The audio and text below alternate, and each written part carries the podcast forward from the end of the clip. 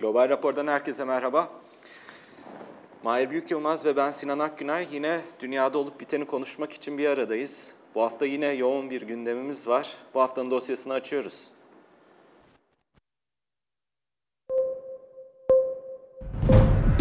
ABD Başkanı Trump'ın tartışmalı İngiltere gezisi gerçekleşti. Trump Londra'da nasıl karşılandı? ABD Başkanı dünyaya hangi mesajları verdi?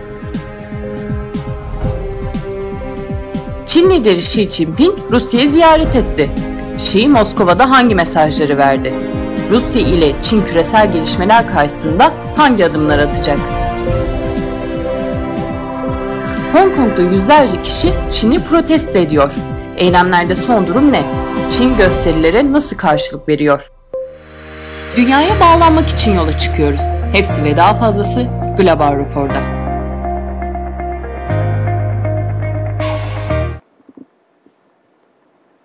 Bugün 12 Haziran 2019. Burası Global Rapor. Bizi izleyen herkese merhaba.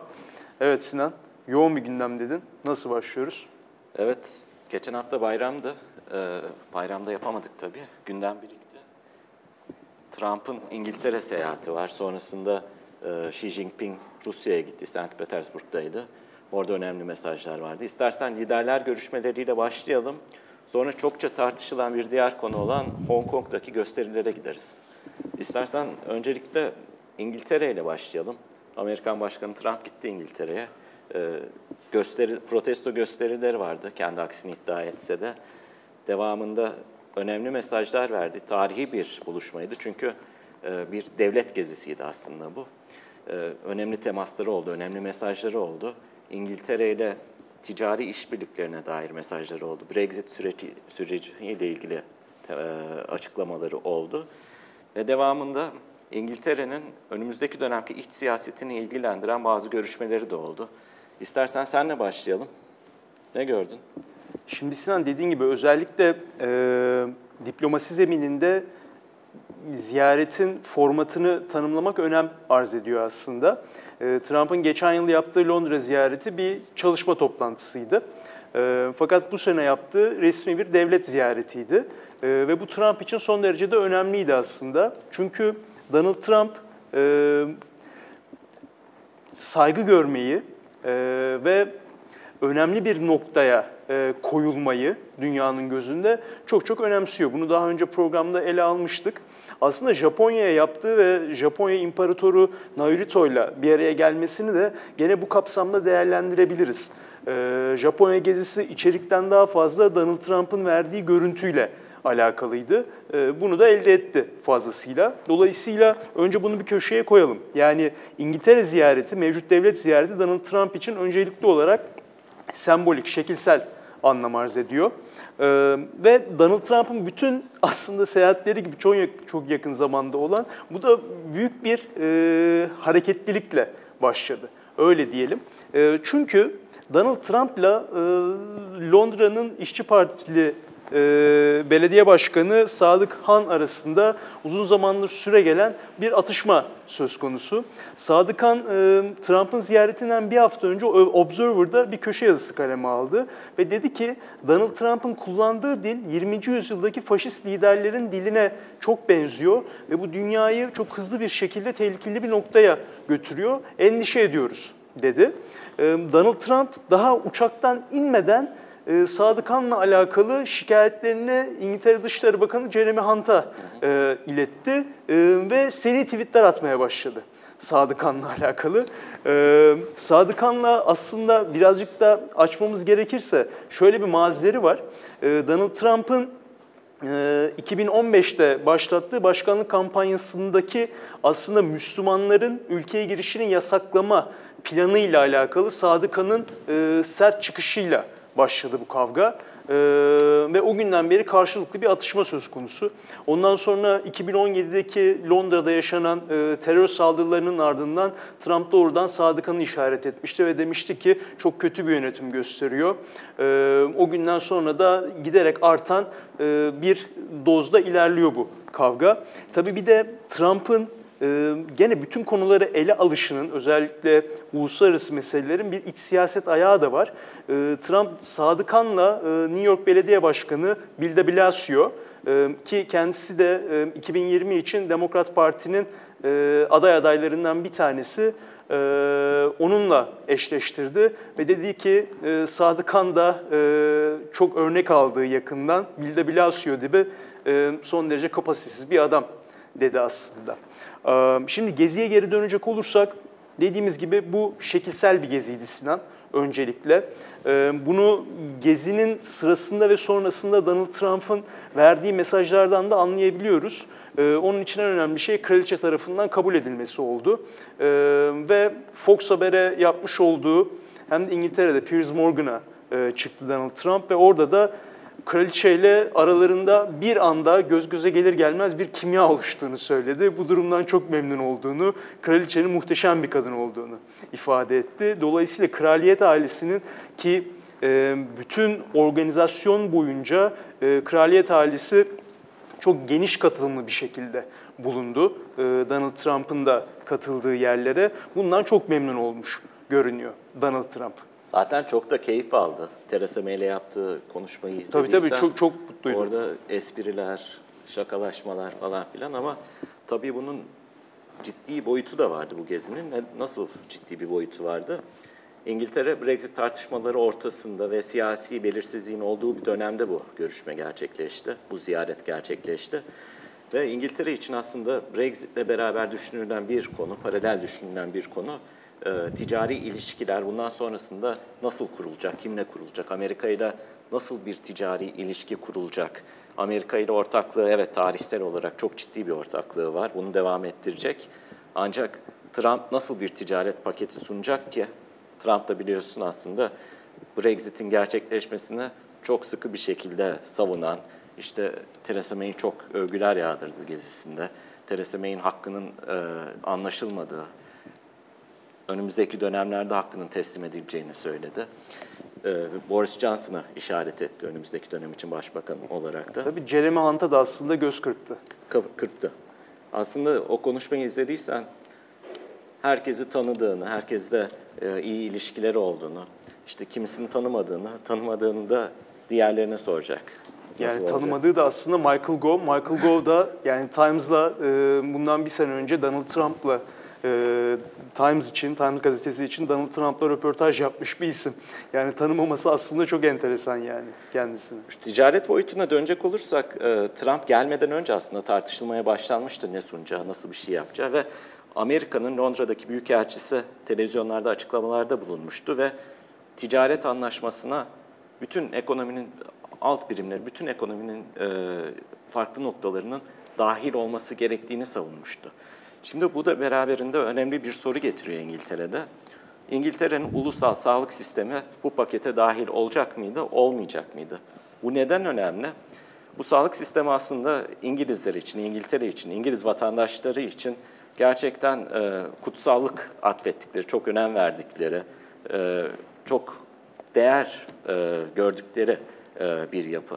Dolayısıyla bunun ne şekilde dahil olup olmayacağı önemli bir tartışma noktasıydı ki bu aslında e, Trump'a da maille yaptığı e, toplantının ardındaki açıklamalarda soruldu. Trump anlamadı soruyu. Tekrar sordular, yine anlamadı. Theresa May devreye girdi.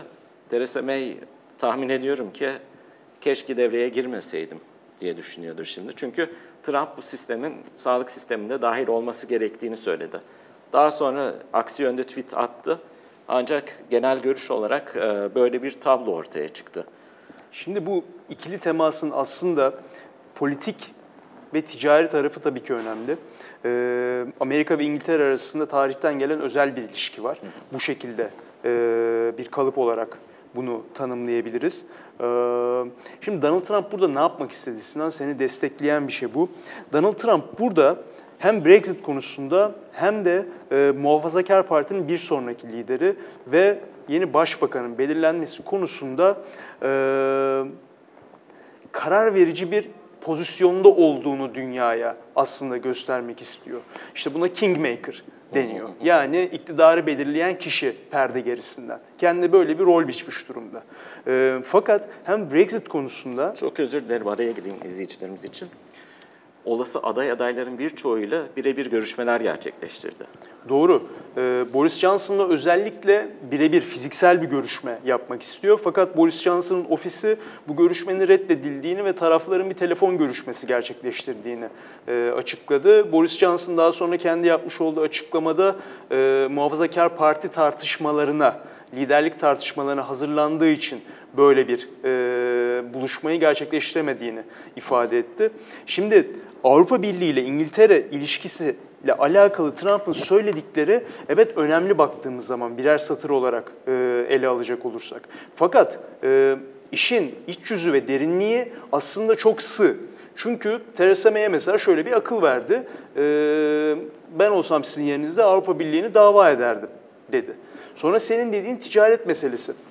Şimdi burada da Donald Trump pek çok şey söyledi ve söylediklerini şu şekilde bitirdi. Eğer İngiltere Avrupa Birliği ile bir anlaşma olmadan eğer ayrılırsa birlikten, işte hard Brexit eğer gerçekleşirse ben kendileriyle muhteşem bir transatlantik ticaret anlaşması yapacağım. Fakat bu anlaşmanın içeriğinin ne olduğu, tam olarak neleri kapsayacağına dair Trump'ın anlattığın gibi aslında bir fikrinin olmadığını gördük. Hani e, o yüzden şimdi çok şaşırtıcı olan şey şu. Ee, Amerika için sembolik öneme sahip İngiltere'ye yapılan bir seyahatin politik içeriğinin bu kadar zayıf, bu ilişkinin geleceğine dair bu kadar e, somut bir çerçeveden uzak bir şekilde tasarlanması ve başkan tarafından icra edilmesi aslında ikili ilişki tarihi bakımından da belki de bir ilk. E, ki biz bunu e, Donald Trump özelinde çokça görüyoruz maalesef. Şimdi görüşmenin bir başka boyutuna bakacak olursak aslında e, Trump'ın konuştuğu veya Trump'ın masaya getirdiği konulardan bir tanesi de şüphesiz ki Huawei meselesiydi. İngiltere'de de tartışıldı bu. Şimdi e, bunun geleceği nasıl devam eder o ayrı bir tartışma ancak hükümet nezdindeki e, değerlendirmelere bakacak olursak aslında e, hükümet kaynakları tarafından televizyonlarda yapılan açıklamalarda Amerika ile benzer bir perspektife sahip olduklarını, ulusal güvenlikleri açısından e, bu konuya onların da önem verdiği, e, gelecekte ulusal güvenlikleri çerçevesinde karar alacaklarını söylediler. Bu ulusal güvenlikleri çerçevesinde alacakları karar, Trump'ın istediği veya Amerika'nın almakta direttiği karar olacak mı? O ayrı bir soru işareti olacak ve Tabii önümüzdeki şu an için günlerde, olmadığını görüyoruz aslında. Evet, önümüzdeki günlerde konuşulacak çünkü bu e, yani retorik olarak bu şekle sokmak, e, biz de sizin e, endişelerinizi paylaşıyoruz. Bu, bu tarz faaliyetlere izin vermememiz gerekiyor. Ulusal güvenlik çerçevesinde ele alacağız. Bu ucu açık bir konu ve İngiltere ile Amerika'yı özellikle Trump'la olası başbakan kim olursa onun arasında e, bir görüşülmesi gereken, uzlaşılması gereken bir konu olarak masada duruyor. Doğru. Çünkü Theresa May Nisan ayında e, kendi güvenlik kabinesine e, sunmuş olduğu teklifte Huawei'in e, İngiltere'nin 5G ağının inşasında belli noktalarda e, servis sağlayabileceğini e, aslında kararını sunmuştu. Bu da kabul edilmişti. Bu da Trump'ı e, hiç memnun etmedi. Şimdi esasında burada Trump'ın içi boş bir ziyaret, görsel açıdan güçlü bir ziyaret gerçekleştirdiğini anlatıyoruz. Ancak Trump'a yakın isimlere baktığımız, özellikle televizyon dünyasında e, veyahut analistlere veya siyaset cephesinde Trump'ın başarılı bir görüşme gerçekleştirdiğini de tartışıyorlar bunlar. Ki bunu aslında biraz sonra konuşacağız e, Rusya ile Çin arasındaki ilişkilerin Amerika boyutuna. Orada da aynı bakış açısı var. Yani Trump ne görüşme gerçekleştirirse gerçekleştirsin bir kendi deyimleriyle bir uzlaşmacı, bir e, müzakere konusunda çok başarılı. İşte diyorlar ki bakın Meksika'yı da masaya oturttu. İngiltere'de zaten çok güzel bir görüşme gerçekleştirdi. Bugün Çin'le Rusya ile bazı sıkıntılar olabilir. Ancak günün sonunda onları da yanına alacaktır. Çünkü Trump'ın önceliği uzlaşmaktır gibi bir resim çiziyorlar değil mi? Doğru Sinan. Şimdi burada Donald Trump'ın belki dış politikasına birazcık da Amerikan dış politika merceklerinden bakmak lazım. Tanımlamak gerekirse Donald Trump'ın e, hani Jacksonian bir çizgisi var. Jacksonian dış politika yaklaşımı nedir? Amerika'nın e, kendi kendi işiyle meşgul olması gerektiği, dünya ile uğraşmaması gerektiği. Fakat eğer dünyadaki herhangi bir aktör Amerikan çıkarlarına aykırı hareket ederse ona da en sert şekilde yanıt verilmesi şeklinde. Şimdi o yüzden Donald Trump aslında dünyadaki e, hem Amerika'nın müttefiklerinden hem de dünyanın geri kalanındaki e, meselelerden çok da fazla bir beklenti içerisinde değil. Bunları çok fazla önemsemiyor. Çünkü Donald Trump artık ortaya çıktı ki son derece katı ulusalcı, e, Amerika'nın kendi içine kapanmasını ve ülkenin kendisini yeniden inşa etmesini savunan ve son derecede popülist bir lider. O yüzden dünyadaki meselelere birazcık ben bunlarla e, uğraştığımda iç siyasette ne kazanırım şeklinde yaklaşıyor. Bunu İran sürecinde de gördük. Kuzey Kore sürecinde de gördük. Ee, ikisinde de mesela Joe Biden'la atışmasını burada değinmiştik. Ee, o yüzden Donald Trump birazcık daha içe odaklı ve İngiltere gezisinden de kendi düşün dünyası çerçevesinde istediğini almış oldu.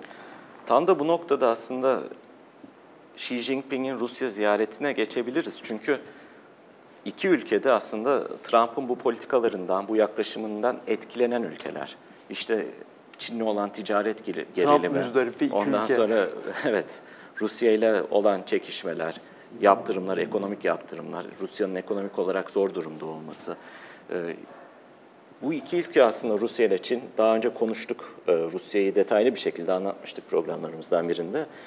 Esasında geleneksel olarak birbirlerine şüphe duyan, birbirlerine e, tamam iyi ilişki kuralım pragmatik olarak ancak e, sınırlarımızı iyi bilelim şeklinde bakan. Yani hatta 1969'da sıcak sınır çatışması e, yaşamış iki ülkeden bahsediyoruz. Ya, geleneksel olarak birçok sıkıntıları var işte. İdeolojik farklılıklardan başlayarak askeri konulara, askeri konulardan e, bölgesel rekabete, bölgesel rekabete, bölgesel rekabetten e, Rusya'nın Çin'in fazla güçlenmesinden endişe duymasına, e, Çin'in Çinli Çin'e bağımlı olmamasını konusu tabii, ortaya çıktı şimdi tabii. Tabii Uzak şey Asya'da. konusu da vardı. Konuştuk galiba burada. Bir dönem Rusya sınırındaki bölgelerde işçi konusunda sıkıntı vardı. Oranın valileri Çin'den işçi gelmesine müsaade etmişti ki bu Moskova'da büyük bir tepki uyandırmıştı. O valiler de görevden alınmıştı. Doğru çünkü gün sonunda Rusya nüfusu yaşlanan bir nüfus ve e, özellikle ülkenin doğusundaki bölgelerdeki e, Çinli yerleşimcilerin sayısının artması Rusya için e, uzun erimli stratejik risklerden bir tanesi olarak görülüyor Moskova'nın lenslerinden. Doğru. Yani tam da bu noktada aslında yine bu e, Xi Jinping ile Putin arasında sık sık gerçekleşen görüşmeler aslında. Daha yeni bir görüşme gerçekleşmişti. Evet, Nisan ayında Putin ziyaret etti Çin'i. Şimdi St. Petersburg'daki görüşmelerin ardından e, şöyle bir tablo çıkıyor aslında, ikili bir tablo. Bir Amerika'nın yaklaşımı var konuya, bir de iki ülkenin yaklaşımı var. Yani az önce söylediğimiz gibi bazı konularda e, birbirlerini kolluyorlar, evet. Ancak görünen de bir tablo var. Ekonomik olarak ciddi bir gelişim içerisinde yani. 2018'de ticari ilişkileri %28-29 oranında artmış durumda ve 107 milyar dolara ulaşmış durumda. Bu çok, çok önemli bir gelişim. Şimdi detaylarına bakacak olursak Rusya ile Çin arasında Çin, Rusya'nın altyapı yatırımları veyahut e, ham madde satışı açısından önemli bir pazar olarak duruyor orada. Ve Rusya'nın aslında Rusya'ya karşı uygulanan yaptırımlar olduğu bir dönemde Çin'den böyle altyapı yatırımlarının gelmesi de aslında Rusya'nın da çok faydalandığı bir konu. Diğer taraftan Çin de Rusya'nın enerji kaynaklarından ciddi bir şekilde faydalanıyor. Bu da e, Çin açısından çok önemli. Şimdi tabii Sinan buradan da şey sonucunu aslında çıkarmamak lazım. Şimdi dünya bir takım neticelere çok hızlı varılan bir yer haline geldi. Özellikle dış politikada insanlar birer fotoğraf karesi üzerinden e, büyük ve uzun erimli olabileceği varsayılan analizler yapma eğilimindeler. Şimdi e, Rusya ve Çin arasında evet bir stratejik yakınlaşma söz konusu. Fakat bu yakınlaşmanın ne kadar uzun erimli e, bir müttefiklik ilişkisine e, dönebileceği konusunda da ciddi bir soru işaretini masaya koymamız gerekiyor. Evet iki ülkede çok ciddi şekilde Trump'ın politikalarından müzdarip. Şimdi e, Xi Jinping'in gezisi geçen hafta yapılmıştı. Şimdi biz bu pazartesine dönelim. Bu pazartesi çok önemli bir gelişme var. Ee, ABD ve Çin ilişkileri e, zemininde. Donald Trump bütün ticaret savaşı süresince ilk kez Xi Jinping'i kendi e, kişisel adıyla aslında hedef gösterdi ve şunu söyledi. E, eğer Haziran ayı sonundaki G20 toplantısında Xi Jinping benimle ikili görüşmeyi yapmayı kabul etmezse 300 milyar hacmindeki e, ticarete e, ek %25 ve gerekiyorsa daha fazla vergi getireceğim dedi. Şimdi Çin bu tip çıkışları e, çok kolay kabullenen bir ülke değil ki Çin Dışişleri Bakanlığı'ndan henüz e, böyle bir görüşmenin yapılacağına ya da yapılmayacağına dair biz bir şey duymadık. E, bugün çarşamba günü oldu. Şimdi bu tabii Xi Jinping'in elini de iç siyasette sıkıştıran bir şey. Çünkü evet Xi Jinping Komünist Parti'nin belki de Mao'dan sonra gelmiş en önemli lideri ve önündeki dönem sınırlaması da kaldırıldıktan sonra ülkenin tartışılmasız tek güçlü adama haline gelmiş durumda. Tam da bu imajına zarar verebileceği noktasında e, Xi Jinping'i çok zorluyor Donald Trump'ın bu çıkışı. Çünkü eğer Xi Jinping bu görüşmeyi kabul ederse, ticaret savaşı kapsamında bir geri adım atarsa ya da bir ödün vermiş gibi eğer anlaşılırsa bu Çin iç siyasetindeki konumunu e, zedeleyebilir ve bundan endişe ediyor. Şimdi ziyarete geri dönecek olursak e, dediğin gibi burada en önemli şey aslında iki ülkenin e, bir Amerika'nın gelişen e, bu Trumpçı dış politikasına karşı belli alanlarda nasıl birlikte hareket edeceği konusuydu. Bunlardan bir tanesi Kuzey Kore, bir tanesi İran, bir tanesi Venezuela. Venezuela hem önemli bir enerji sağlayıcısı Çin bakımından hem de hem Rusya'nın hem Çin'in önemli derecede finansal yatırım yaptığı bir ülke. Şimdi İran'a baktığımızda İran'ın Rusya için stratejik bir önemi var. Çünkü İran'ın enerji sektörünün ayağa kaldırılmasında temel bir aktör olmak istiyor Rusya. Çin de e, enerji piyasasının en önemli müşterilerinden bir tanesi İran söz konusu olduğunda. Yine Kuzey Kore asıl sanıldığı kadar belki de öncelikli bir konu değil. Çünkü iki tarafta Kuzey Kore konusunda, Kuzey Kore sorununun çözümü hususunda belki bir çözümsüzlüğü yeğleyebilirler. Çünkü bugüne kadar da çok fazla dokunmak istemedikleri bir konuydu. Ee, çünkü Amerika'nın bölgedeki müttefikleri için bir tür istikrarsızlık kaynağı. Hem Japonya hem de Güney Kore bakımından ve Pasifik e, genelinde düşünecek olursak. E, fakat bu konu da konuşuldu zirvede. Fakat daha önemlisi e, bu zirve kapsamında 30'dan daha fazla anlaşma imzalandı e, hükümetler arasında ve ticari olarak bunun kapsamı da e, sen belki rakamları daha detaylı vereceksindir 20 milyar dolar civarında. Şimdi iki ülke arasındaki en önemli aslında işbirliği alanı şu an için enerji. Ee, enerji işbirliği özellikle Sibirya doğalgaz kaynaklarının Çin'e aktarılması konusunda son 6 yılı kapsayan ortak çalışmayla daha da cisimleşmiş durumda.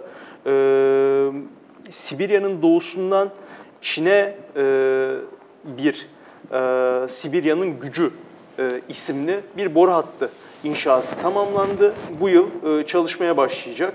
E, Sibirya'nın batısından doğal gaz kaynaklarını Çin'e taşıyacak olan e, bir alternatif e, boru hattı üzerinde de çalışmalar devam ediyor. E, Gazprom'un Gazprom'un e, en hızlı şekilde hayata geçirmek için e, çalıştığı projelerin başında geliyor. Bu da Altay boru hattı. Şimdi bu en önemli gündem.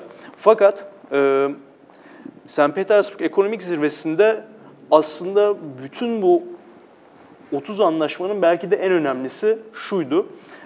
Çin'in için hayati bir stratejik önem arz eden ve ülkenin 50 ila 100 yılının aslında nasıl şekilleneceğini ve Çin'in dünyaya açılma, kendi siyasetini kendi dünya görüşünü dünyaya açma projesi olan Kuşak Yol ile e, Rusya'nın öncülüğünü yaptığı Avrasya Ekonomik Birliği arasında bir entegrasyon anlaşması imzalandı. Hı hı. Bu da e, Çin'e Rusya'yı bu projeye katma noktasında bir avantaj sağlarken Rusya'ya da özellikle e, hem Afrika hem de Orta Doğu bölgesine de açılabilme, Çin'le birlikte buralarda kendini temsil edebilme imkanı vermesi açısından son derece önemli. E, o yüzden son derece sembolik bakımdan önemli bir gezi. Çok. E, Yani şöyle boyutları da var tabii senin dediğin gibi kuşak yol projesi üzerinden bir anlaşma yapılması çok çok değerli. Neden değerli? Rusya'nın her zaman şüpheyle yaklaştığı bir projeydi. Doğru. Ve dolayısıyla böyle bir işbirliğinin sağlanabilmesi, bu noktaya gelmesi bile Çin açısından çok önemli. İki, Afrika'yı işaret ettin. Afrika bildiğiniz gibi Çin'le Rusya'nın rekabet içinde olduğu yerlerden bir tanesi.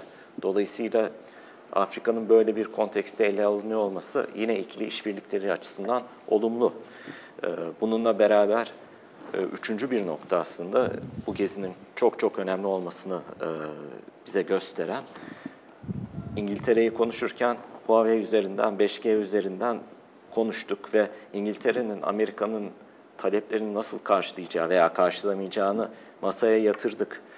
Ancak Rusya-Çin ilişkisine baktığımızda, bu görüşmelere baktığımızda anlaşmalardan bir tanesi de aslında Huawei'yi içeren ve 5G altyapı yatırımlarını içeren bir paketiydi.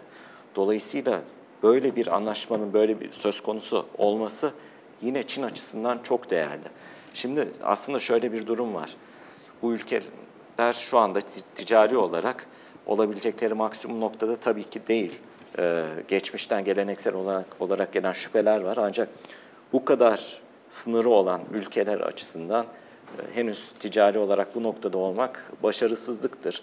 Ee, bunun sebeplerini biliyoruz. Yani günün sonunda hala Çin'le Rusya çok ciddi stratejik ortaktır, jeopolitik olarak beraber hareket ediyorlar diyemiyoruz tabii ki. Bir de şöyle bir şey de var Sinan. Şimdi evet Amerika'nın e, artan baskılarına karşı bu ülkenin birbirlerine yaklaşması gerçekleşiyor dedik. Fakat e, Batı dünyası hem Çin hem de Rusya için birbirleriyle e, muadil olabilecek e, kaynaklar değiller. Şimdi evet Çin Rusya için yavaş yavaş önemli bir enerji partneri haline geliyor. Fakat bir müşteri olarak Avrupa'yı e, Rusya'nın enerji ekonomisinin dışında bıraktığınızda Rusya'nın ekonomisinin ayakta kalabilmesi mümkün değil. Tabii. Çin'in burayı hali hazırdaki mevcut altyapı sistemiyle bu açığı kapatabilmesi mümkün değil. Ama tam da bu noktada aslında Çin'in perspektifi zaten bizim ilişkilerimiz Amerika ile bozuldu. E, Tabii ki Amerika ile ilişkilerin bozulması Rusya ile olan ilişkileri anlamında olumlu yansımalar gösterebilir.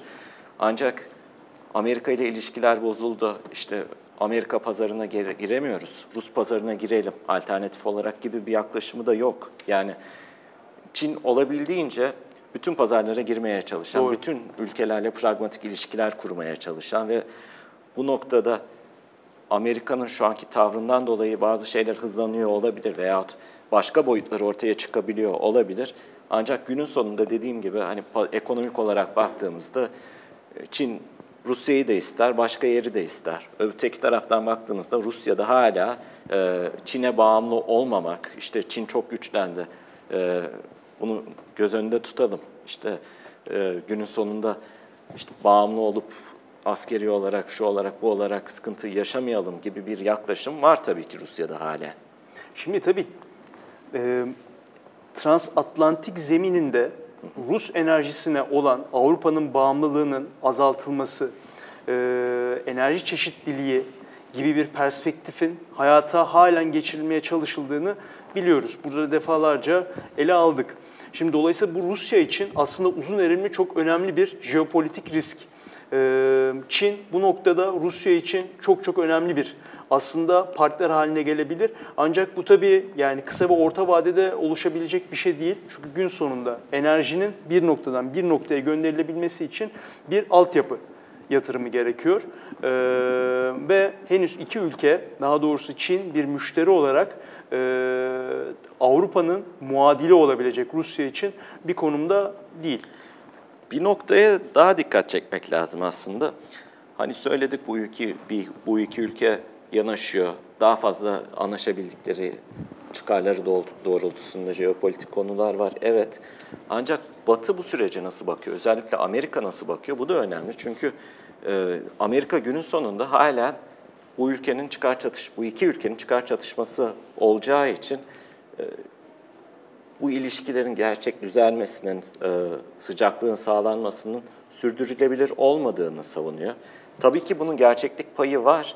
Ancak ben yapayım, ben yapayım, bu iki ülke nasılsa anlaşamaz gibi bir durum yok şu anda. Yani geçmişe dönüp baktığımızda Amerika'nın yaptıklarından dolayı her bir görüşme iki ülke açısından daha iyi bir noktaya gidiyor. Daha aşama kaydediyorlar ve Amerika'nın özellikle Trump döneminde Trump'ın çevresindekilerin yaptığı açıklamalara baktığımızda hani deyim yerindeyse oturuyorlar ve e, biz ne yaparsak yapalım bunlar e, işte bizden kaynaklı olarak yanaşıyor gibi gözüküyorlar. Ancak bu sürecin sonunda çıkarlar çatışacak, nasıl ayrılacaklar gibi bir bakış açısına sahipler. Sinan çok doğru. Bu çok önemli bir analiz. Ki bu aslında 1990'lardan itibaren başlayan bir tür Amerikan rahat, rahatlığı dış politikada. Çünkü 90 sonrasında oluşan tek kutuplu dünyanın e, her ne şart dahilinde olursa olsun, e, her ne tür gelişme karşısında olursa olsun devam edeceğine dair bir ön kabul söz konusu. Fakat bugün artık bu tek kutuplu dünyanın e, çok kutuplu bir dünya haline geldiği farklı alanlarda hem jeostratejik zeminde hem teknoloji zemininde hem ekonomi zemininde e, oluşmaya başladığını görüyoruz. Şimdi Madeleine Albright'ın yani Amerika'nın çok ünlü Dışişleri Bakanı'na atfedilen bir söz vardır. Indispensable nation. E, bu şu demek, dünyanın istikrarının devamı için e, öncü ülke, öncelikli ülke, vazgeçilmez ülke.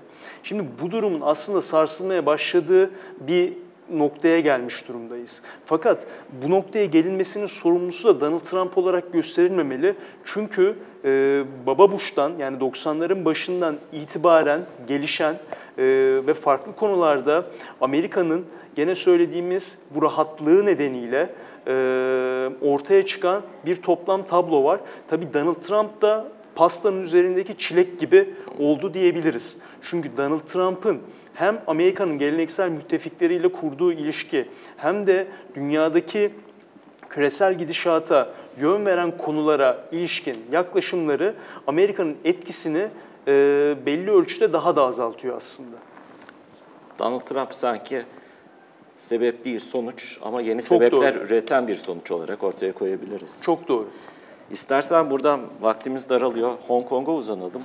Hong Kong tarihinin en büyük protestolarından evet. biri gerçekleşti. Aslında bugün daha evet, adını koymak lazım durumda. gerçekleşti.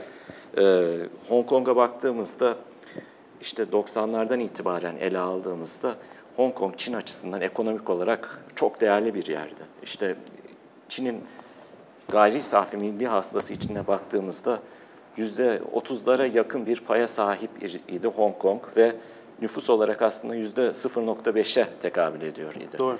Şimdi yıllar geçtikçe bu denge bozuldu. Bu denge bozuldu, şöyle bozuldu. İşte yüzde yanlış hatırlamıyorsam en son verilere göre yüzde 3'e kadar Doğru. düşmüştü. Şimdi bu noktada Hong Kong'un ekonomik olarak önemi tabii ki azaldı. Ancak Hong Kong'u biraz daha yakından da incelemekte fayda var.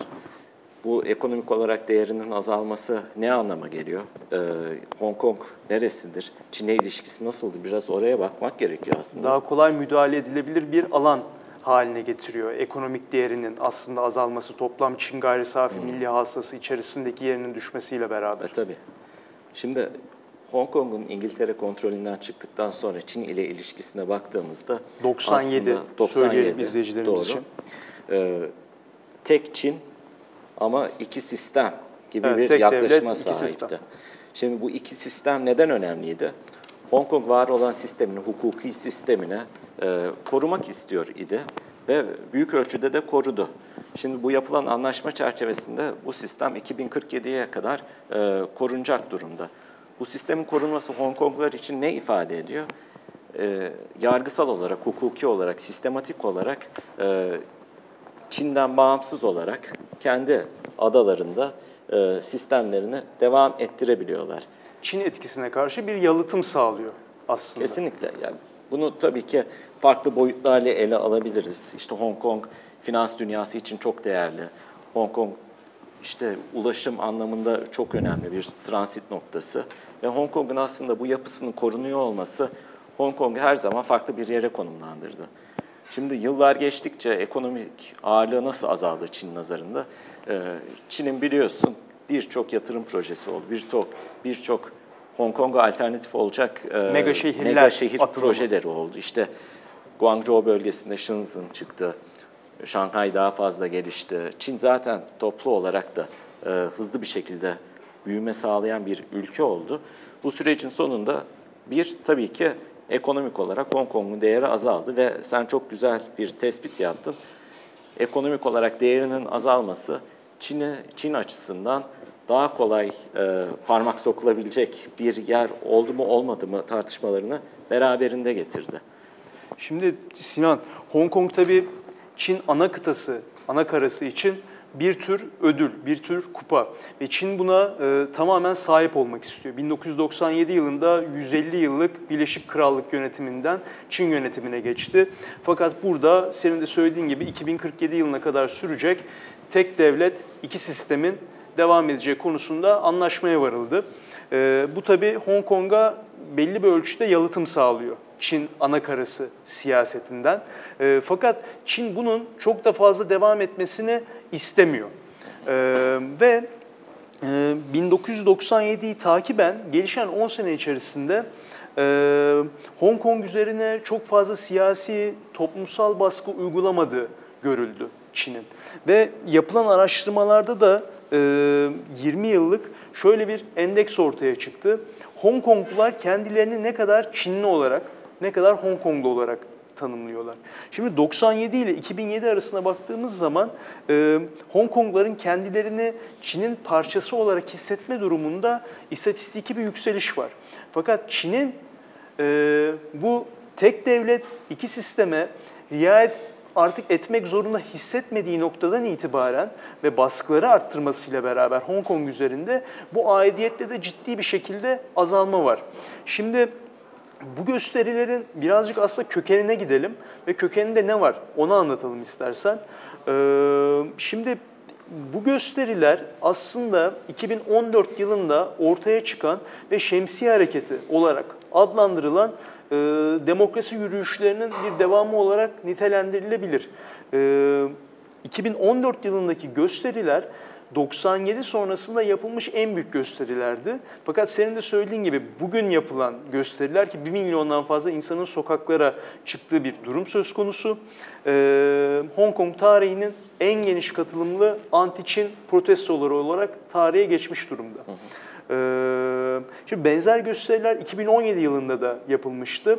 Ee, yani Hong Kong'un ana karaya, Çin'e bağlanışının 20. yılında e, bu gösterilerin temel nedeni de e, bu 20. yıl kapsamıyla Hong Kong yöneticileri e, şu şekilde ifade edebileceğimiz biçimde 2014 yılındaki gösterilerin liderleri hakkında gözaltı emri çıkarmışlardı. Ve bunun üzerine gene ortalık karışmıştı kısacası. Ve son iki senedir de aslında tansiyonun zaman zaman yükseldiği, zaman zaman da alçaldığı bir dönem yaşadı Hong Kong. Bu son gösterilerin nedeni ise şu, e, bir yasa söz konusu. E, Hong Kong Meclisi'nde e, tartışılması e, gündeme alınmak istenen. O da e, Hong Kong'dan Çin'e, Hong Kong'dan Tayvan'a ve Hong Kong'dan Macao'ya e, suçluların iadesine ilişkin bir yasa çıkartmak istiyor Hong Kong yönetimi. E, fakat bu yasanın Çin'in adanın iç işlerine e, müdahale edebileceği artı e, demokrasi yanlısı protestocuların Çin'e iade edilmesi şeklinde sonuçlar doğurabileceğine ilişkin endişeler e, yükseldi ve bununla beraber de halk sokaklara çıktı. E, İstersen şey yapalım bir, e, izleyicilerimizin net olarak anlaması için bu son gösterilerin reel olarak olay bazlı olarak neden çıktığını. Şimdi bir tane Hong Kong vatandaşı Tayvan'da iddiaya göre e, tecavüzde bulunuyor. Ve öldürüyor devamında- kız arkadaşını Öldürüyor. geçen ve sene. devamında Hong Kong'a geliyor. Evet. Hong Kong'la Tayvan arasında bir e, iade anlaşması, suçlu iade anlaşması bulunmadığı için bu vatandaş Hong Kong'da bu suçtan dolayı yargılanmadığı gibi Tayvan'a da iade edilmiyor. Şimdi tüm olay aslında asıl olay senin de anlattığın ancak görünür olay bu. Şimdi bunun devamında ne oluyor? Bunun devamında Hong Kong'daki yöneticiler senin söylediğin yasa tasarısını ortaya çıkarıyorlar. Şimdi Hong Konglular niye tepki gösteriyor buna? Hong Kongluların tepki göstermesinin bir nedeni kendi iddialarına göre bu yöneticiler, bu yasa tasarısını getiren yöneticilerin asıl amacı senin de belirttiğin gibi bu yaşanan münferit değil, bu yaşanan önemli trajik olay değil. Aslında e, Çin'le olan ilişkileri bağlamında Çin'in taleplerini gerçekleştirmeleri ve yine iddialara göre bu yöneticiler aslında Pekin desteğiyle göreve gelmiş insanlar. Şimdi Çin nasıl bakıyor bu olaya? Çin senin dediğin gibi aslında karışmak istiyor ve suçluları oradan almak istiyor. Çin'in argümanlarından önemli bir tanesi aslında bu yasa tasarısını güçlendiren bir argüman olarak ortada duruyor. Çin'de, Tayvan'da suç işleyen suçlular suç işledikten sonra Hong Kong'a kaçıyorlar. Dolayısıyla Hong Kong onları bir e, kalkan, koruma kalkanı oluyor. Biz alamıyoruz. Dolayısıyla bu yasa tasarısı geçmeli ki bizim ülkemizde suç işleyen insanlar Hong Kong'a kaçamasın. Şimdi protestocularla Hong Kong yönetimi arasında da bir müzakere süreci şeklinde işleye bir süreç işliyor. Burada Hong Kong yönetimi öncelikle bir yıl ile başlanan yani bir yıla ulaşan e, suçlar ve üzerinde iade gerçekleştirilecek ki bunlarda da siyasi ve dini suçlardan dolayı hüküm giymiş insanların iadesi yapılmayacak. Yani e, ağır suçlardan, işte söylediğim gibi tecavüz, cinayet, e, yaralama şeklindeki suçlardan hüküm giymiş insanların Çin'e, Tayvan'a ve Macao'ya e, iadesi söz konusu. En sonunda bunu e, pazarlıkta gelinen noktada 7 yıla kadar uzattılar. Fakat bu da protestocular tarafından kabul görmedi. Hatta protestolara katılım arttı ki e, dün geceden itibaren e, polis müdahalesinin de son derece sertleştiği, e, plastik mermilerin yer yer kullanıldığı e, bir müdahalenin e, başladığını biliyoruz. Bir süre ertelenecek gibi gözüküyor bu yasa teklifi. Ancak yine iki noktaya da bakmak lazım. Çin ve Hong Kong devletinin yaklaşımı aslında Hong Konglu insanların, vatandaşların e, muhalif cephenin etkisinde kalarak gösterilere e, kalkıştı. İşte yurt dışından kaynaklanan bazı kışkırtmalarla aslında gösterinin bu Doğru. kadar Çin gazetelerinde mesela manşetlerden dış düşmanları işaret eden e, haberler çıkıyor son 10 gündür. Dış kamuoyu nasıl bakıyor bu olaya? Az önce söylediğim gibi hani dış kamuoyu açısından Hong Kong'un önemi e, bir transit bir ulaşım noktası olması ve bu nokta bu özelliğinin korunmasını istiyorlar. Benzer şekilde finans dünyası açısından önemli bir konum ve bu tarz uygulamalarla e, Çin'in Hong Kong'un var olan sistemini bozmaları halinde veyahut Hong Kong'un aşırı güç kullanmaları halinde Hong Kong'un kendine özgü bu özelliklerin kaybolmasından endişe duyuluyor açıkçası. Doğru. Hong Kong'un burada aslında Tayvan'a benzer bir rolü var. Yani Çin'in bölgedeki etkinliğinin sınırlandırılması konusunda Amerika açısından e, stratejik öneme sahip baktığımızda. Ki Washington'da e, Çin'deki insan hakları ihlalleri ve politik meselelerle alakalı Trump döneminde sesini daha fazla çıkarmaya başladı. Özellikle Tayvan konusunda e, ki Amerika'nın son 30 senedir çok da fazla e, politik olarak e, dokunmak istemediği bir konu. Çin'i rahatsız etmemek adına. Fakat tabii e, yarı diplomatik ve askeri ilişkilerin devam ettiği e, bir ülke konumunda Tayvan. E, fakat Çin tabii Tayvan'ın bağımsızlığını tanımıyor. E, böyle bir durum var. Gene Uygur Türklerine yapılan baskı konusunda Washington'dan çıkan sesin bugüne kadar olmadığı kadar yüksek ve sert olduğuna not etmek lazım. Ki e, Xi Jinping'i şahsen ve Komünist Parti'yi de yapısal olarak rahatsız eden, e, Amerika'ya dair rahatsız eden konuların başında gelen hususlardan biri de bu. Son olarak sen biraz değindin ama Hong Konglular e, gözünden baktığımızda da şöyle bir durum var. 2047'ye kalan süre azaldıkça Çin'in baskısını daha çok hissettiklerini belirtiyorlar. Bununla beraber ekonomik olarak söyledik. Hong Kong'un öneminin Çin açısından e, azalması sebebiyle bu baskı alanını daha geniş olduğunu hissediyorlar. Ve bu tarz yasalar aslında, bu tarz mücadeleler bunu doğrular nitelikte. Doğru Sinan. Hatta şimdi burada Çin'in politik olarak ve hukuk rejimi olarak Hong Kong'a uzanmaya çalıştığını görüyoruz. Ki Hong Kongluları temelde rahatsız eden şey de bu. Yani Çin ana karasının kendini kapsaması ve içerideki e, yere otonom, hukuken bağımsız sistemin zaman içerisinde dönüşmesi istemeyecekleri şekilde. Fakat Çin'in fiziksel olarak Hong Kong'a zaten e, uzandığını da e, söylemek lazım. Geçen yıl e, faal çalışmaya başlayan e, Macao Hong Kong arasında inşa edilmiş köprü e, dünya tarihinde yapılmış en uzun ve maliyeti en yüksek olan e, köprü konumunda. Dolayısıyla Çin aslında zaten bu tencerenin altını çok uzun zamandan beri kaynatıyor. Doğru, kesinlikle öyle. İstersen burada noktayı koyalım. Tamam. Değerli izleyenler, e, yine dünyada olup bitenleri konuştuk. İkili görüşmeleri konuştuk. Daha sonrasında Hong Kong'daki gösterileri konuştuk. Bu haftalık bizden bu kadar. İzlediğiniz için teşekkür ederiz. Herkese teşekkür ederiz. Görüşmek üzere.